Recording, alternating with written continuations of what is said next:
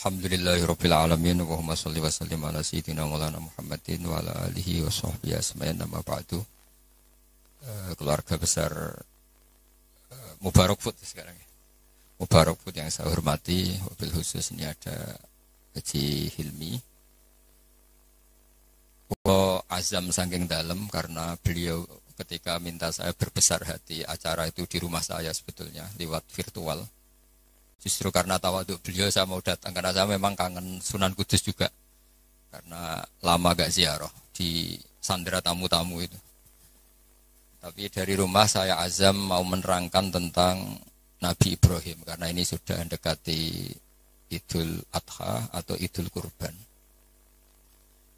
Di antara yang membolehkan ulama kerso atau mau populer atau mau dimaklumatkan atau mau tampil adalah awalun nubuah itu dimulai dari at-tahaddi. Jadi semua kenabian itu dimulai dari memaklumatkan ke publik bahwa seorang Rasulullah Muhammad Shallallahu Alaihi Wasallam juga semua nabi itu harus memaklumatkan diri kalau beliau itu nabi.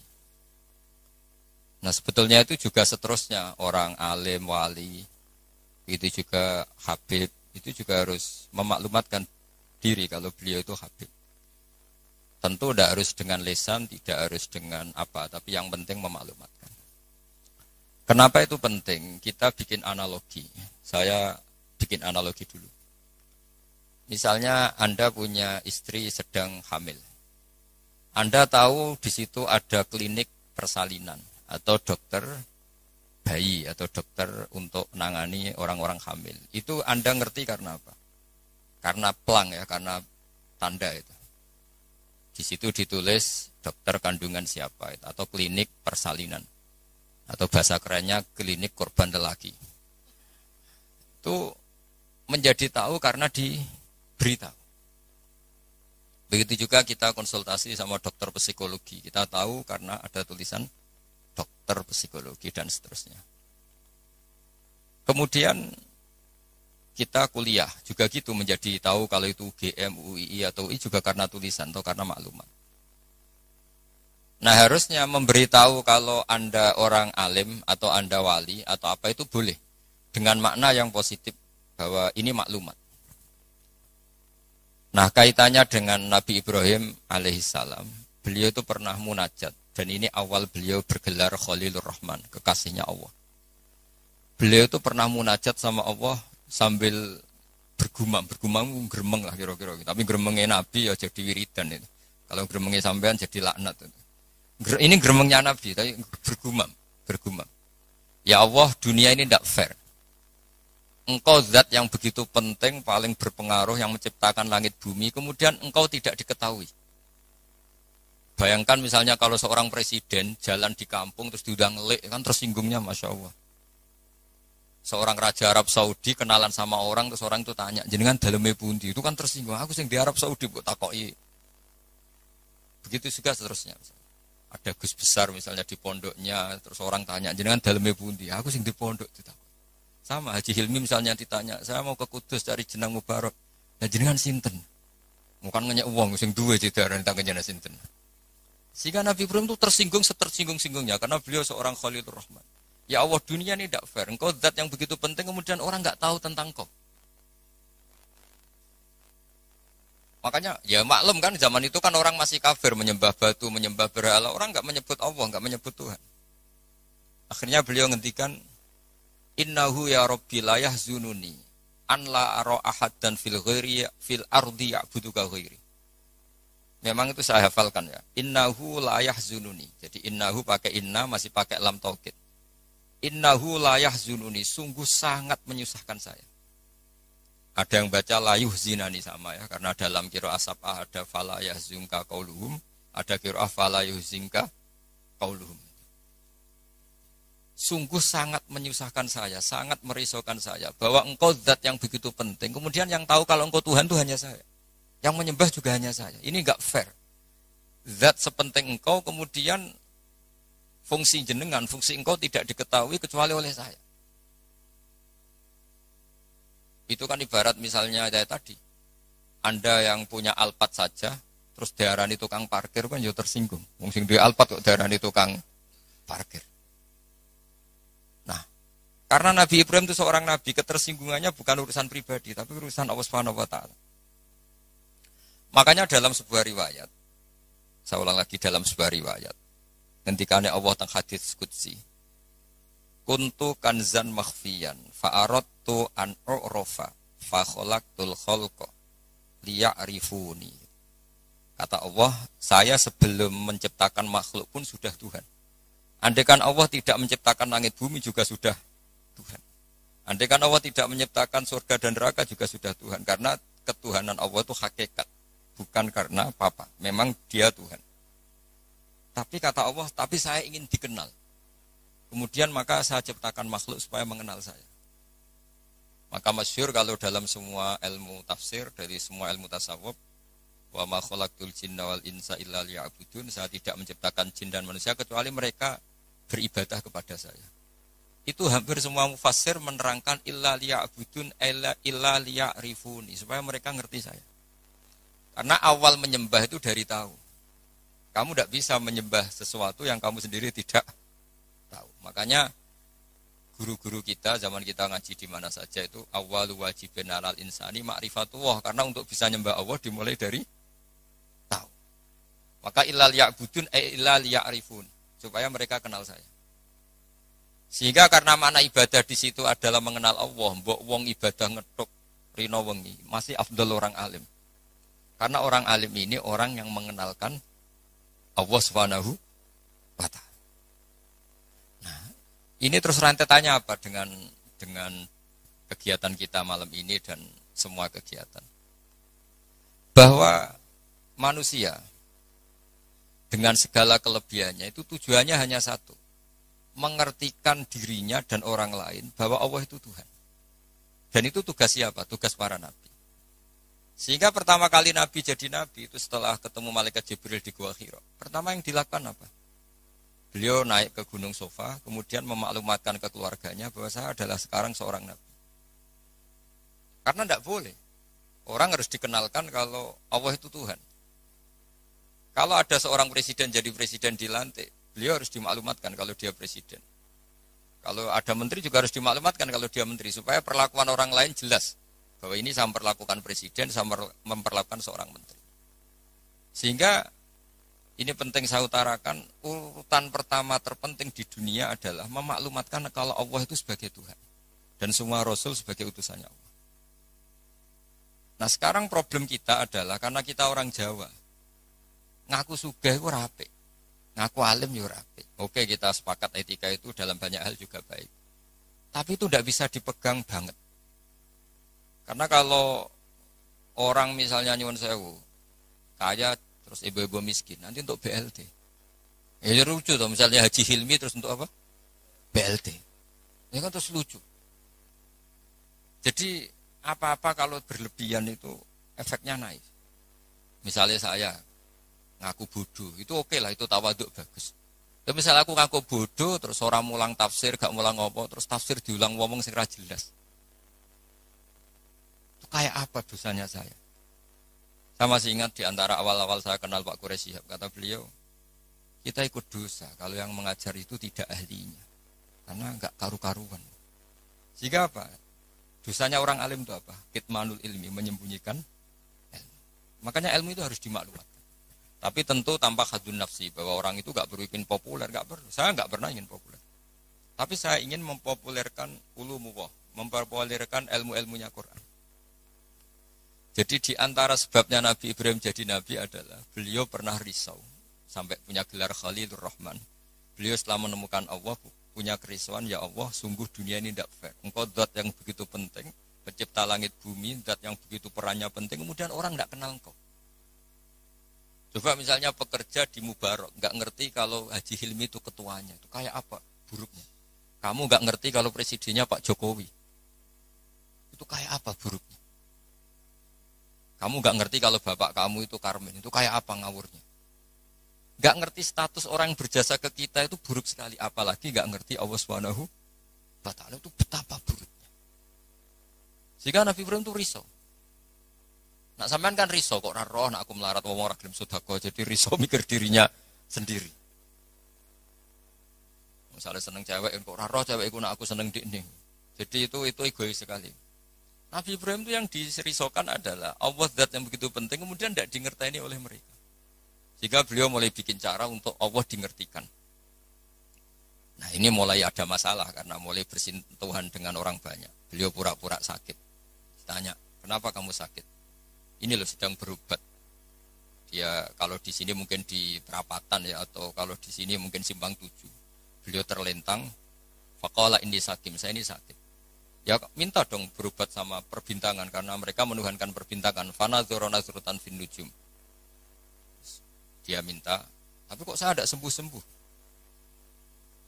Terus akhirnya dia datang ke tempat pemujaan. Setelah datang ke tempat pemujaan, terus beliau ngasih beberapa makanan. Kok udah kamu makan? Jadi Nabi itu ya lucu. Wong karuan berhala kok ditawarin makan. Beliau mangkel karena dianggap berhala ini sombong ditawari makan kok enggak mau itu dipukulin semua, hancur semua, terus kapaknya diletakkan sama yang atas, yang ketuanya, yang paling besar. Jika beliau diadili itu lucu. Uh, Ibrahim siapa yang menghancurkan berhala-berhala kecil itu? Paling yang besar, beliau gak terima disaingin. Kan. Wah, kalau gak percaya tanya. Fas aluhum ingkanu yantikun. Kalau gak percaya tanya. Wah, otak kamu ini mulai masalah Ibrahim. Wong karuan berhala kok ditanya.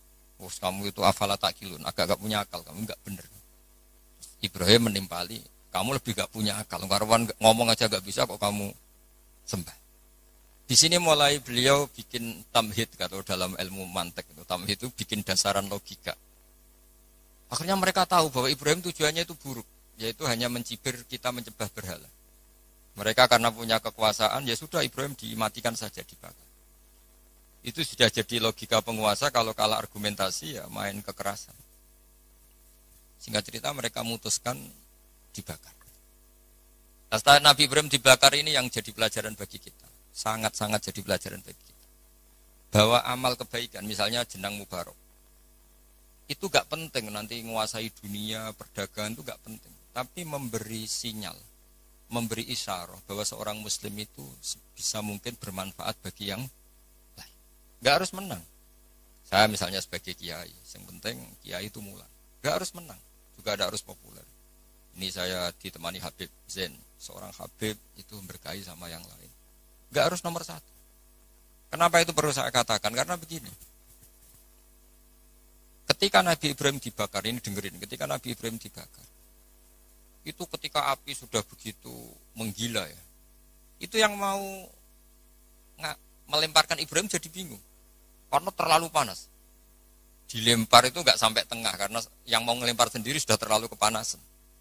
Singkat cerita terus ada ide manjanik. Manjanik itu semacam ketepel besar. Itu idenya iblis.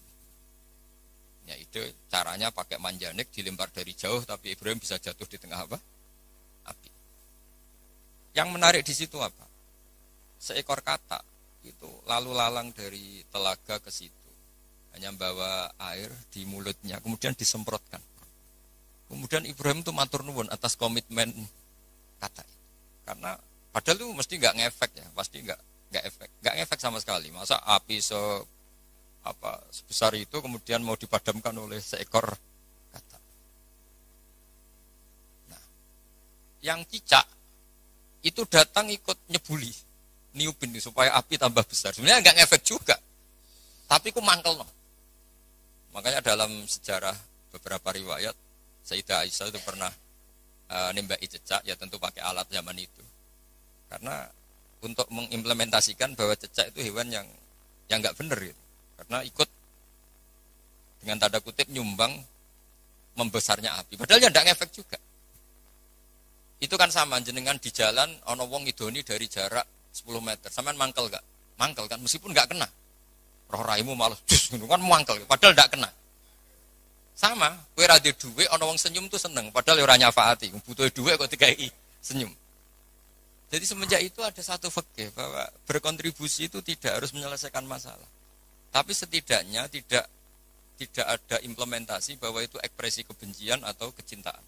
Yang kata tadi ekspresi kecintaan sehingga beliau lalu lalang ingin ikut memadamkan apa?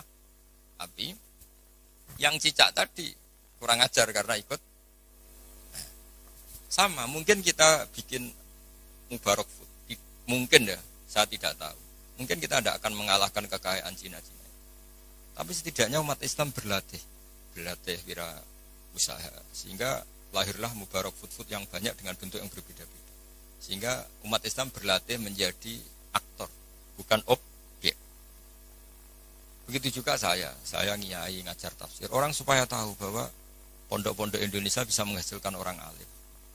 Begitu juga jenengan bahwa bisa nikmati gaji pertama. Bahwa orang bisa seneng itu tidak harus pakai korupsi, pakai mencuri, tapi seneng sejati adalah makan gajinya apa? Sendiri. Apa pun kita tidak mewakili dunia, implementasi itu sesuatu yang sangat dihormati oleh Allah. Kayak Allah menghormati amalu difda. Sehingga ketika ada seorang dokter ya Rasulullah saya ini ada sedikit penyakit yang solusinya obatnya materinya harus apa itu kata.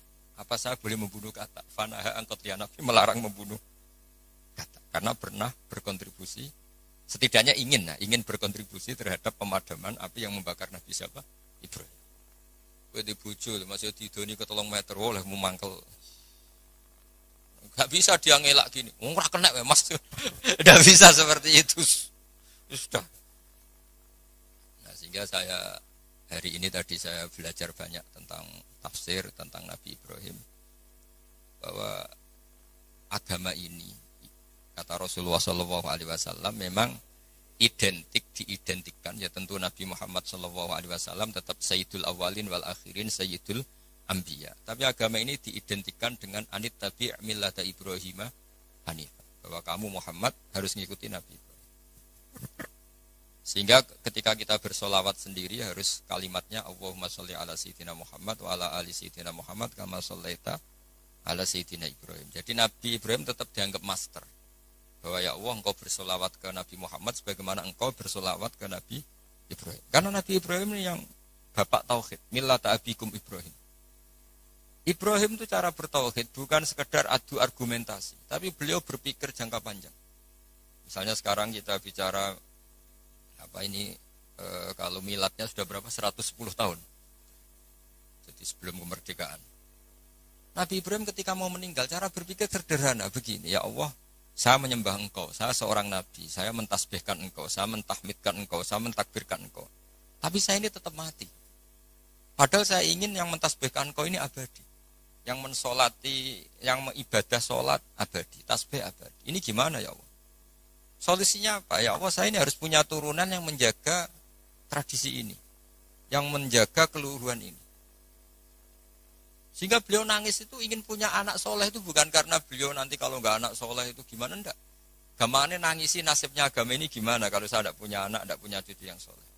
Barokahnya itu pula nggak ada nabi setelah Ibrahim kecuali ada darahnya nabi Ya nggak ada nabi setelah Ibrahim kecuali pasti ada darahnya Nabi Ibrahim, baik dari ibu Sarah maupun dari ibu siapa? Hajar. Ada yang baca Hajar, ada yang baca Ajar ya, karena di beberapa teks memang ada yang ditulis dengan hak, di Bukhari ada yang ditulis pakai apa? Hamzah. Hajar atau apa? Ajar. Ini penting saya utarakan, penting sekali bahwa kalau Anda orang kaya yang memanfaati orang banyak, kamu ingin kaya lagi, anak kamu ingin kaya lagi, jangan niat biar anak putu kurang melarat. Tapi tradisi memanfaati orang lain biar jalan. Sama, saya juga ingin nanti anak saya alim. Tapi bukan berarti ingin anak saya terus dicucup orang, disalami template, enggak. Ingin menjaga bahwa harus ada orang alim. Nah kenapa harus anak kandung? Padahal murid bisa. Karena manusia itu didik orang lain itu ya repot omah sekolah ra ketompo terus mondok. Nggak ribet ngadepi wong liya. Timbang ning omah nakal dititipno pondok. Ribet. Meskipun kita terima itu sebagai santri, tapi kan komitmennya beda, cara berpikir beda. Makanya didik ini bukan berarti ya tetap beda. Sehingga Nabi Zakaria ketika ditanya, kenapa engkau begitu fanatik minta anak kandung, waladesulbi itu anak kandung. Kata beliau, wa ini khiftul mawal ya mewaroi. Kalau orang lain mewarisi saya, itu pasti cara berpikir tidak persis-persis sama. Meskipun solehnya mungkin mirip ya, tapi tetap beda. Saya punya pengalaman. Tidak sampean jangan terus kecil hati saya ada anak kiai. Kesolehan itu tidak harus jadi kiai. Saya punya pengalaman, ya. pengalaman entah buruk entah baik terserah cara anda menafsirkan. Kiai itu kalau betul-betul kiai itu melihat orang sholat itu senengnya masya Allah. Melihat preman sholat itu seneng. Melihat orang tobat seneng. Padahal ya orang untung-untungnya di mana juga. Gak ada untungnya. Tapi karena dia dididik bahwa sholat ini cagai bumi. Apalagi kalau kiai ini sudah jadi wali. Bahwa Allah tidak menghancurkan bumi ini pertimbangannya karena masih ada yang sholat. Nah, sementara kalau kamu itu otaknya pedagang, rohong sholat itu banyak kebutuhan sarung. Wah, nak ngono gawe sarung. Berarti tekem Cina kayak tadi. Banyak orang haji terus Cina meroduk apa? Pakaian apa? Ikhram. Banyak orang wiridan terus Cina meroduksi apa? Tasbih. Tapi kalau wali itu tidak begitu cara berpikir. Jadi melihat orang sholat itu. Ya Allah itu luar biasa. Terus kepikiran. Nyari kalimat apa yang kira-kira dengan sujud itu benar-benar plus tauhid. Akhirnya dicari-cari lah kira-kira kalimatnya Subhana rabbiyal a'la bihamdi maha suci engkau yang maha luhur. Karena sekali sujud itu dia tidak benar komitmennya bisa sujud kepada makhluk. Dan itu bahaya wes wes sujud wes batu eneng bumi jebule kli. Itu beda perasaannya wali sama itu beda. Kalau kamu pedagang kaya terus wali itu mesti gini. Saya ingin jadi orang kaya pedagang. Ben wong Islam itu buroh wong sing sholat. Kayak apa hinanya kita misalnya sampean sol apal Quran, iso ngaji mau fatul muin. Terus dimajikan sing ora cewek tersiksa enggak? Kayak apa tersiksanya? Dua atasan man lam yusolli walam yasum. Tapi nak kue sugeh mau diniat paling kan ono santri melara tuh buruh neng aku. Aku sholat aku zakat aku poso jadi solihun tahta ya disolihin wong soleh buruh neng wong. Itu beda. Sama-sama kepengen jadi wong sugeh tapi rasanya. Dan itu yang dinilai Allah saya kenapa ngaji di mana-mana bawa kitab? Setidaknya orang itu lebih terhormat ngaji Bek Nawawi, kitabnya jelas. Sanat saya jelas, saya ngaji Bahmun, ngaji bapak saya, ngaji keluarga Kudus, keluarga Kajen. Istifadah, saya jangan ngaji betul memang sama Bahmun. Ya, kalau istifadah ya dari berbagai kiai. Orang itu terhormat. Jajal misalnya aku ngaji sampai ngaji yang Kudus, gue primbon. Itu Haji Hilmi kan tersinggung. Sebab dia terus cerita komik Wah kan gak mutu kan. Yo sini sini wong kudus kan wah banyak wong kudus kan. Tapi kalau kita pakai sanat yang baik, pakai kitab yang baik, kan yang ngergani sing diaturi. Sehingga kenapa Nabi itu mesti min ansabi komi? Enggak ada Nabi kecuali dari nasab terbaik. Enggak ada Nabi kalah ganteng. Semua Nabi pasti yang terganteng di kaumnya. Ya terbaik nasabnya di kaumnya. Karena Allah itu kepengen ngergani masyarakat. Misalnya ke Nabi terus keriting, pesek, ya ribet. Senajan to soleh. Maka nggak ada Nabi ilamin ansabi kaum kecuali dari nasab terbaik. Jadi kadang-kadang orang salah paham, wah ini nasab gak penting, ya penting sekali. Justru dengan nasab ini masyarakat terhormat. Punya Nabi dari kasta terbaik, dari marga terbaik, dari kultur ter terus wajahnya juga ajmalan nas. Makanya wakana Rasulullah Shallallahu Alaihi Wasallam ahsanan nasi khalqau Wahuluk. Oh, Nabi itu pasti yang paling ganteng. Gak boleh Nabi pesek itu aja gak boleh. Apalagi yang lain apa gak boleh. Tapi tidak usah disebut ya fitnah. Pokoknya gak boleh Nabi. Kalau cucunya Tapi yang ganteng Jadi Nabi itu Nabi itu begitu. Saya dulu ya mikir kenapa sih Nabi harus paling ganteng, paling bernasab. Tangan-tangan ini saking baiknya Allah karena Allah ingin selain Nabi ini orang pilihan suka umat ini terhormat kan. Oh senang kang di Nabi ganteng. Yo gagah. Terus punya kultur yang baik. Kultur yang baik misalnya ditandai minimal yang kita kenal tidak waladuzina. Ya tidak waladuzina. Sehingga Mbah sering cerita ke saya kitab madaih ini kata Mbah Mun. Kitab madaih itu macam-macam. Ono sing khas ilmiah, yaitu arep berjanji. Ono sing khas isak bronto ning pangeran, yaitu dibak dan simtud duror. Dan beliau begitu ta'aluk sama kitab berjanji, kitab simtud duror, ya kitab tiba. Saya kemarin baca dibak puasa, juga baca Saman perhatikan ketika ulama dulu memuji Nabi. Di antara pujian yang disebut apa? Tarokus sifah hafalam yusibhum aruhu. Kan dimulai apa? Hafidhul ilahu karomatal li Muhammadin aba'ahul amjada saunal lismihi. Allah menjaga harga dirinya Rasulullah Shallallahu Alaihi Wasallam dimulai. Sayyid Abdullah nggak pernah zina, Sayyid Abdul Muthalib nggak pernah zina, Sayyid Hashim nggak pernah zina. Karena betapa buruknya kita kalau punya nabi dari nasab yang tidak benar. Maka pujian pertama yang dilantunkan apa? Tarokus sifaha. Mereka meninggalkan Nah, Falam Yusuf hum aruhu. Maka babanya Nabi itu tidak ada ceritanya yang mau berbuat zina. Min adami wa ila abihi. Wa mulai dari Nabi Adam. Jadi, karena keren punya pemimpin. Bapaknya jelas, bahnya jelas, buyutnya jelas. Saratun saronu nubuati fi asari rihurohimul bahiyah. Itu begitu. Akhlaknya juga gitu. Gak ada nabi kok medit. Pusing kan gitu nabi medit. Oh, pusing. Terus punya nabi goblok, ya pusing kan. Makanya nabi itu harus fatona, harus apa? Cerdas. Misalnya di nabi sekolah atau munggah kan pusing. Terus jadi nabi kue sing ranking. Iya sekolahnya pinter aku kok. Wong jadi kiai saja kalau ketemu temannya pusing. Karena temannya menangin nak ke sekolah atau munggah itu saja sudah pusing.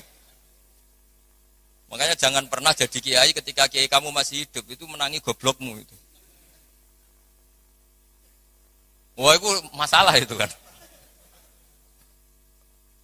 Wong kok konco kiai ketemu konco pengapesan.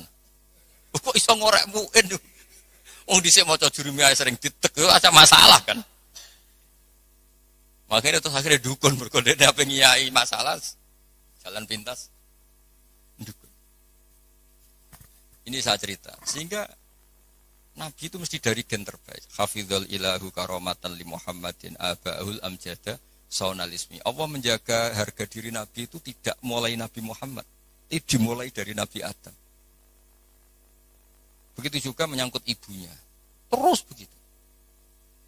Jadi gak ada penjagaan sesempurna kayak Allah menjaga kekasihnya Rasulullah Shallallahu Alaihi Wasallam. Ya, tapi sekarang itu memang zaman fitnah ya macam-macam. Orang baca tiba dikatakan bid'ah. Saya bilang, andai kan tiba kamu baca pakai bahasa Indonesia itu saya yakin tidak ada yang bilang bid'ah. Karena itu buku sejarah. sejarah. Berhubung mbok wocong, dermemel koyok mantra, lah itu sing mari akhirnya darani bid'ah. Coba kalau kamu baca bahasa Indonesia di depan orang yang biasa darani itu bid, nah kamu baca aja, baca, baca yang apa? Di sini biasanya tiba apa berjanji, apa sebetulnya apa saja saya hafal insya Allah. Enggak yang yang yang terkenal saja, berjanji apa? Apa? Al berjanji misalnya, misalnya dimulai dari apa? Yang mulai wabak tu ya, wabak tu faakul huwa Muhammad bin Abdullah bin Abdul Muttalib itu kan kalau ditulis bahasa Indonesia ya, ketahuilah bahwa Muhammad putranya Sayyid Abdullah. Muhammad bin Abdullah bin Abdul Muthalib. Abdullah itu punya bapak namanya Abdul Muthalib. Wasmuhu Syaibatul Hamdi. Sayyid Abdul Muthalib itu nama lainnya adalah Syaibah. Kila itu ketika beliau lahir sudah beruban. Syaibatul Hamdi, orang beruban yang sering baca tahmid, baca Alhamdulillah. Sehingga dulu Ka'bah itu kalau menuju ke Ka'bah ada namanya Babu Bani Saibah kalau kamu ngaji fikih kesunatan masuk apa Masjid Haram dari Babu Bani. Saibah itu nama lain dari Sayyid Abdul Muttalib. Wasmu Saibatul Hamdi. Kenapa dikatakan Alhamdi? Humidat hisoluhus saniyah. Dia punya perilaku-perilaku yang sangat terpuji. Di antara yang paling masyur adalah ketika penduduk Mekah kesulitan nyari air beliau munajat terus sama Allah. Sampai mimpi dingertikan lagi oleh Allah tempat zam-zam. Apa tempat Zam-zam. Akhirnya beliau ngeduk lagi. Makanya Zam-zam itu dinisbatkan ke Abdul Muthalib. Padahal Zam-zam tentu mulai Nabi Ismail. Paham ya? Tapi di bab tertentu disebutkan Abdul Muthalib. Makanya masyur. Wayun dabul mausulu billadistahar kabi rizam zamin yali waman hafar. Jadi Abdul Muthalib itu punya gelar waman hafarobi rozam zama. Wahai orang yang menggali lagi sumur apa? Zam-zam. Jadi beliau itu intinya itu lama sekali penduduk Mekah itu sudah kehilangan Zam-zam. Abdul Muthalib munajat, munajat. Akhirnya karena beliau min Ibrahim dingertikan zam-zam. Makanya kata Alfiya apa? Wa yundabul mausulu billadhi stahar kabi'ri zam-zamin yali waman sudah kita terjemah saja. Abdul Muthalib nama lainnya adalah Syaibatul Hamdi, orang tua yang selalu muji Allah. Kenapa terpuji? Karena semua perilakunya termuji. Wasmuhu Syaibatul Hamdi humidat hisoluhus saniyah. Ibnu Hashim. Ya terus begitu. Ladekan itu kamu tulis dengan bahasa Indonesia. Kamu kasihkan orang yang biasa membid'ahkan tiba atau berjanji. Wah bagus ini buku sejarah. Tapi setelah kamu baca Arabnya, kenapa jadi bid'ah? Itu yang salah itu dua-duanya menurut saya yang dengarin nggak paham, yang baca kayak jimat. Karena yang nggak paham-paham terus, oh, wow, apa maksudnya nggak jelas. Ya sama-sama nggak jelas itu akhirnya berakibat nggak jelas juga kan. Makanya saya mohon nah, niru kayak Habib-Habib Yaman tuh. Kalau baca berjanji itu diam semua. Karena paham, do nangis. Yang baca yang nangis. Nangis paham, bukan nangis nangis nasibnya enggak. Jangan gak cerita Mbah Mun, Mbah Mun pernah cerita di ono khotib GR, GR gede rumongso. Ini cerita Mbah Mun ya cerita kiai kiai banyak cerita itu masyur. Sekarang ono ada wong desa ku nuwakis, dikira khotib itu khotbah sukses.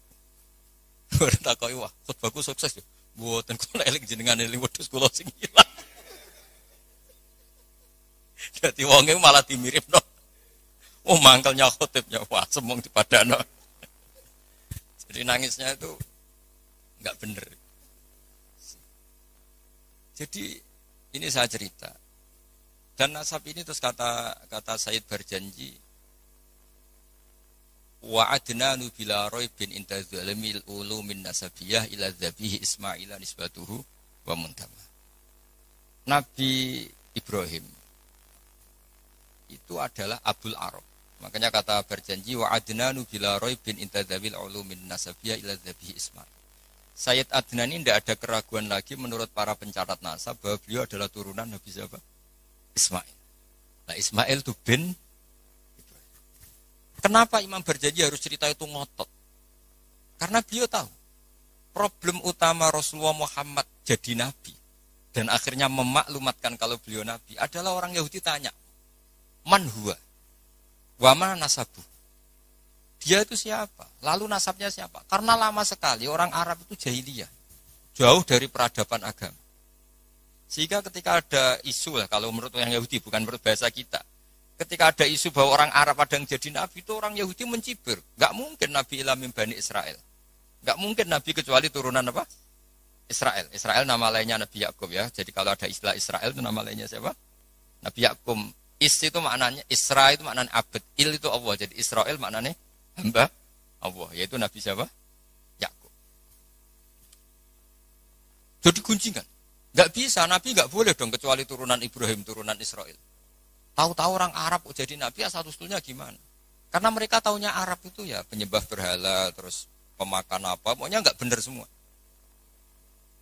Nah, karena Sayyid berjanji itu tahu problem problem Nabi di mata orang-orang itu adalah nasabnya. Beliau pertama nulis di antara di, yang dipakai mukaddimah adalah cerita nasab wa ba'du fa'akul wa Muhammad bin Abdullah. Sampai taruh saya wa adnanu bila bin intadzabil ulumin asyabiyah ila dzabihi Ismail nisbatu Nah, kenapa harus yakin itu? Ketika orang Yahudi debat sama sahabat, apa buktinya kalau Muhammad Nabi? Syarat utama Nabi harus turunannya Nabi, harus orang baik. Akhirnya Allah membela kekasihnya fihi ayatum bayinatum maqamu Ibrahim. Bukti kalau Ibrahim pernah singgah di Mekah adalah di situ ada batu yang ada jejak kaki Nabi. Nah, kalau Nabi Ibrahim pernah lama di Mekah sampai bangun Ka'bah, berarti beliau juga meninggalkan turunan di Mekah, yaitu ini askantu min dzurriyyati biwatin ghairi dzar inda baitikal muharram. Jadi ada bukti Ibrahim hidup di Mekah yaitu pernah menjejakkan kaki di makam apa? Ibrahim makam Ibrahim bukan kuburan tapi apa? Tempat berpijaknya Nabi siapa? Ibrahim. Terus beliau memaklumatkan bahwa ini askantu min dzurriyyati biwatin ghairi. Jadi ini askantu itu kalimat yang luar biasa. Misalnya pertanyaan gini, oke Ibrahim pernah ke Mekah, apa buktinya kalau anak turunnya ditinggal di Mekah? Kayak saya misalnya pernah di Palestina, atau saya pernah di Kudus. Buktinya mana kalau anak turun saya akhirnya hidup di Kudus? Makanya dibuktikan sama Allah, ini askantu min dzurriyyati. Kata Nabi Ibrahim, ya Allah anak turun saya ini ada yang saya letakkan di sini. saya mukimkan di sini, saya mustautinkan di sini, saya berdomisilikan di sini. Yaitu Nabi Ismail. Artinya gini, ketika imam berjanji cerita wabak dufa'akul itu luar biasa. Itu yang menjawab keraguan orang, yaitu orang Yahudi atau siapa saja, yang meragukan nasabnya Nabi. Sudah setelah nasabnya ketemu sapi Ibrahim sudah sah karena syaratnya Nabi itu zuriatam ba'duha. Setelah nasabnya sah baru khasnya apa? Di antara khasnya adalah tarokus sifah hafalam yusibhum aruhu min adami wa ila abihi wa ummi. Sehingga yang namanya nikah itu bukan adat Islam saja. Zaman jahiliyah juga ada apa? Nikah. Ya tentu setelah Islam disempurnakan iya, tapi zaman jahiliyah itu sudah ada nikah. Buktinya begini. Ketika Rasulullah Wasallam mulai aneh-aneh ngaku jadi nabi, ini menurut bahasa mereka loh. Ini saya cerita menurut bahasa mereka, bukan bahasa saya. Itu kata orang-orang Quraisy, kafir Quraisy gimana? Muhammad, kok mulai aneh-aneh ngajak nyembah pangeran Sito, meminta supaya kita menyembah Allah satu. Padahal tren mereka menyembah Tuhan yang apa? Itu mereka cara mengatakan gini.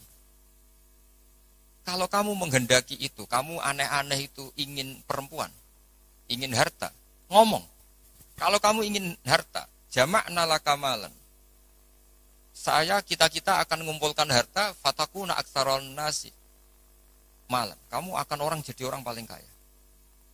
Terus ketika kamu aneh-aneh ingin kawin, ingin perempuan cantik, kita tembungkan ke keluarganya, kita mintakan keluarga. Terus fazawwas nakaha Kemudian kami nikahkan kamu kepada perempuan itu.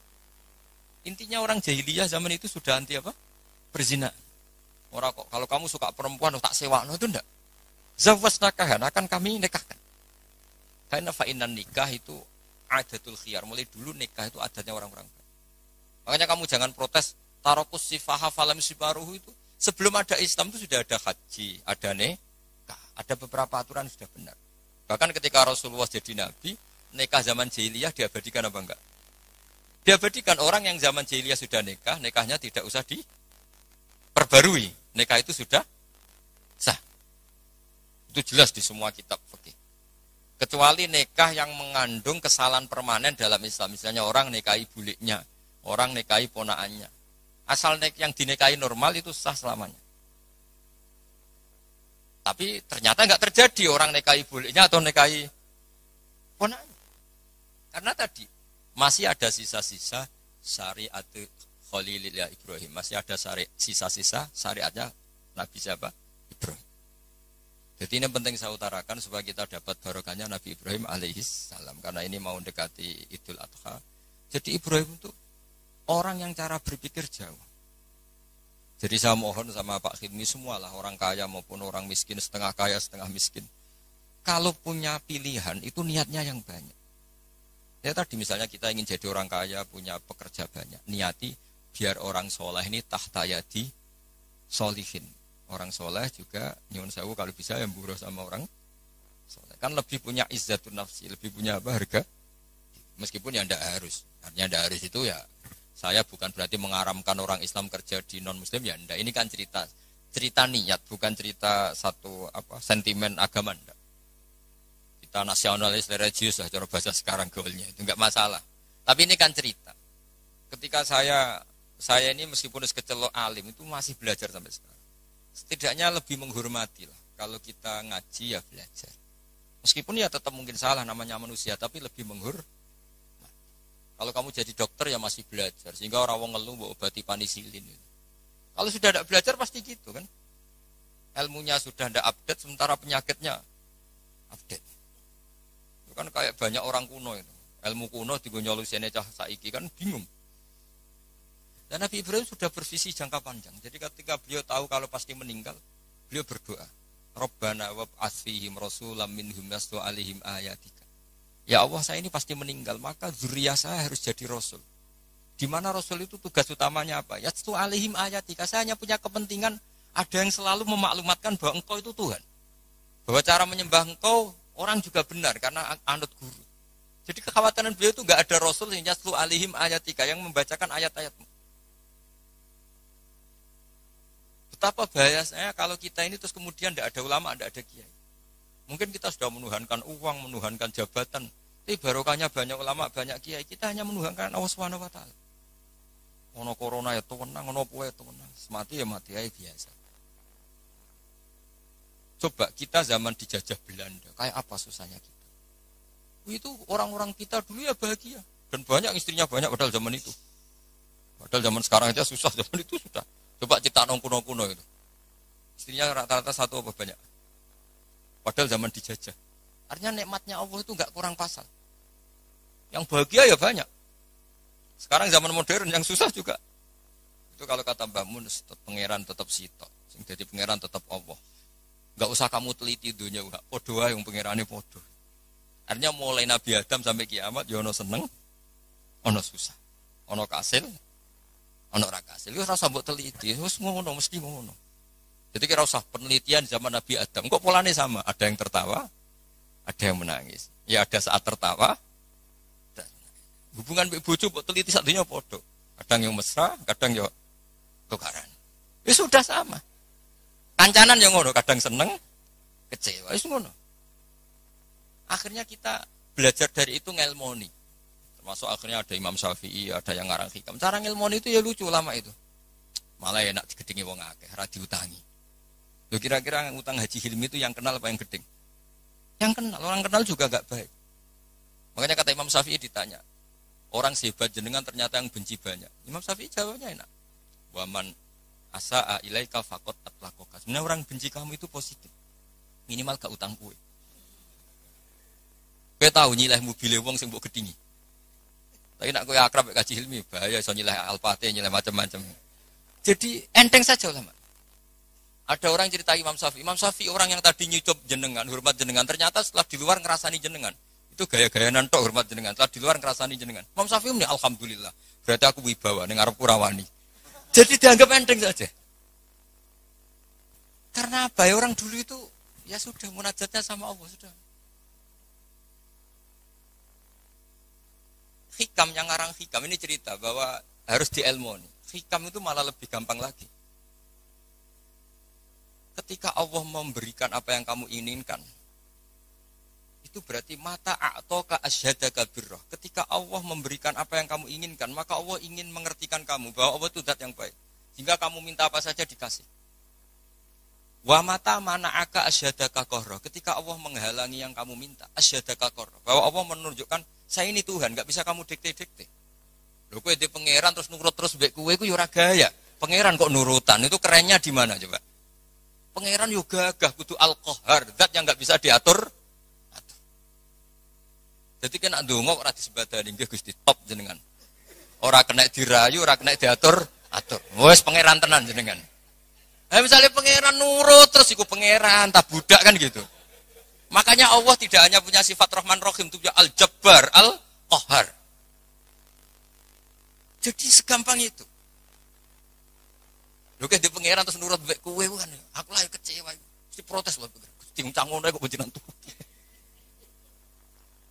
Jadi enteng saja ulama dulu mau amal sama Allah. Mata atau kasyata kabiro. Ketika Allah memberi kamu, anggap saja Allah mengenalkan ke kamu bahwa dia dat yang terbaik. Wa mata mana aka asyata korro. Ketika Allah tidak nuruti karep kamu, Allah itu ingin menunjukkan ke kamu. Aku itu pangeran. Tetap yaf'alu maya. Saya enak ya pangeran buat atur-atur. Nah, nurut aku, aku sing nurut kue kan gitu. Coba keren mana punya Tuhan yang begitu sama yang nurutan. Coba. Keren mana? Keren sing Allah tetap yaf'alu ma'as. Tapi kalau ilmu ini tidak kamu perbarui terus dengan ilmunya ulama, maka kamu akan menganalisis Allah dengan cara kamu sendiri. Oh, dari api anjut aku jaluk rati turuti. Wah setan, setan amoh. Jadi ulama, ulama dulu itu asik gitu. Coba saya itu saya itu termasuk kiai muda yang nggak pati mati bukan karena saya apa-apa. Rasulullah tuh kalau ngajari melihat kehidupan kematian tuh rilek. Ya Allah kalau saya hidup, ini ngajari ke kita ya. Anggap saja ini peluang untuk menambah kebaikan. Kalau saya mati, anggap saja itu akhir dari segala keburukan. Makanya saya tuh tidak pati takut mati. Coba hidup kita ke depan. Meskipun naudzubillah min dzalik potensi zina, potensi korupsi. Yang sudah korupsi, potensi korupsi lagi. Yang sudah kadung zina, potensi zina lagi. Yang bisa ngakhiri itu apa coba? Mati. Jadi kalau melihat gitu mati, kalau kamu mau mati, matur nuwun Gusti. Mpun niki terakhir kula mun mboten saged elek malih. Matur nuwun, matur nuwun. Loh, enggak ini cerita. Jadi jangan melihat sisi mati ini keburukan karena itu akhir dari segala kejelekan kita dan akhir dari segala potensi. Kalau kamu tidak jelek sekarang kan potensinya tetap bisa soleh soleh kalau kue udah kuat suwe kan nggak ada jaminan gitu maksudnya kan nggak ada jaminan. Kamu sekarang nggak korupsi kan nggak ada jaminan kalau nanti jabat kan bisa aja karena nggak ada kesempatan saja. Jadi segampang itu. Sehingga kita-kita ini akhirnya melihat mati itu biasa. Biasa bukan ya karena surip ya apik mati ya habis. Inna sholati wa nusuki wa mahyaya wa mati lillahi rabbil. Makanya Bapak dulu saya ini kan termasuk wis kiai. Sebenarnya problem saya ya sudah berat ya, kalau nuruti umat macam-macam. Tapi ya, saya masih eling dewi Bapak. Dunia orang melok duwe kok pikir lah santai wae. Dunia orang orang melok duwe kok pikir. Itu kali ini aku mikir jenang mubaroke Pak Hilmi kan ora perlu duwe kok tak pikir. Ya penting mikir sing duwe kan gitu. Ya sama gitu, wong duwe ora perlu duwe kok pikir. Ya penting pikir sing duwe kan. Cara kasarane kan. Makanya hikam ngendikan da'it tadbir fama qoma bi ghairuk la tukim bi nafsak. Wis ora usah mikir nemen-nemen. Dunya iku ana sing duwe. Ora usah ke melok-melok, ora melok duwe kok geger. Maksudnya ora usah mikir wis melok pangeran wis. Wong alim ya mulang wis. Wong sugih bagi karyawan. Habib itu nggak no umat. Semua marat ya ada sing suka suka sudah. Kalau sudah kita cara usah mikir. Wah nak sudah kok duit kuntek berarti mikir. Nggak sing melarat. Aku tuh no suka kenaan dari tak tuh no. Tuh nggak aku raiso suka wah ya. Ya rusak nak dunia dan ngono ya rusak. Rusak rusak. Ya jadi ini saya cerita cerita ilmu. Segampang itu lama melihat. Makanya saya pernah baca dalam satu kitab itu lucu. Ada orang berteman akrab Ketika kaya temannya banyak, ketika miskin temannya nggak pada menjenguk. Padahal dia sudah jadi buruh. Buruh manol, buruh gebot. Ada seorang Habib Alim. Ketika orang ini ngeluh, Beb, teman-teman saya itu yang dulu jenguk sekarang nggak ada yang jenguk karena saya sekarang miskin dulu teman saya si uh, akhirnya Habib yang alim ini ngendikan malah enak toh nak kancam renari ini malah konisin Rene pas kue manol, pas kue gay boto diamui malah isin aduk dora rene. Jadi pas kue melarat rado sing delok lang kok nak sugih konangan neh lah. Akhirnya alhamdulillah yo bek jebule. Selama ini kan kita ngeluh PP melarat terus konco radolan, malah tok radolan. Pas dolan rono kowe dikongkon wong dibentak-bentak, malu enggak? Milih didolannya apa enggak? Buatan lah ya sekarang. Jadi kalau lama itu bikin solusi segampang itu. Mungkin wassalamualaikum warahmatullahi wabarakatuh. Ini kersane disukani Habib Zainal. Al-Fatihah. الرحمن الرحيم مالك يوم الدين إياك نعبد وإياك نستعين. بسم الله الرحمن الرحيم الحمد لله رب العالمين. اللهم صل على سيدنا محمد مفتاح باب رحمة الله مفتاح باب رحمة الله مفتاح باب رحمة الله. عدد ما في المنا صلاة وسلاما دائما بمن لك الله وعلى آله وصحبه وبارك وسلم. اللهم أكرمنا في الحمد خير جميع الحاجات يا الله جميع الحاجات يا الله جميع الحاجات يا الله إنك على كل شيء قدير. اللهم يا بركة في الأمور بركة في الصحة بركة في الرزق يا الله يا الرحمن الراحمين. اللهم سلمنا من عافية الدنيا والآخرة وفتنك على كل شيء قدير. اللهم صل على سيدنا محمد صلاة توفير بها الذنوب وتصلح بها القلوب وتندلك بها الأسوب وتلين بها الصعوبة على آله وصحبه. من إله منسوب. اللهم إنك عفو كريم. تحب العفو فأنا يا كريم.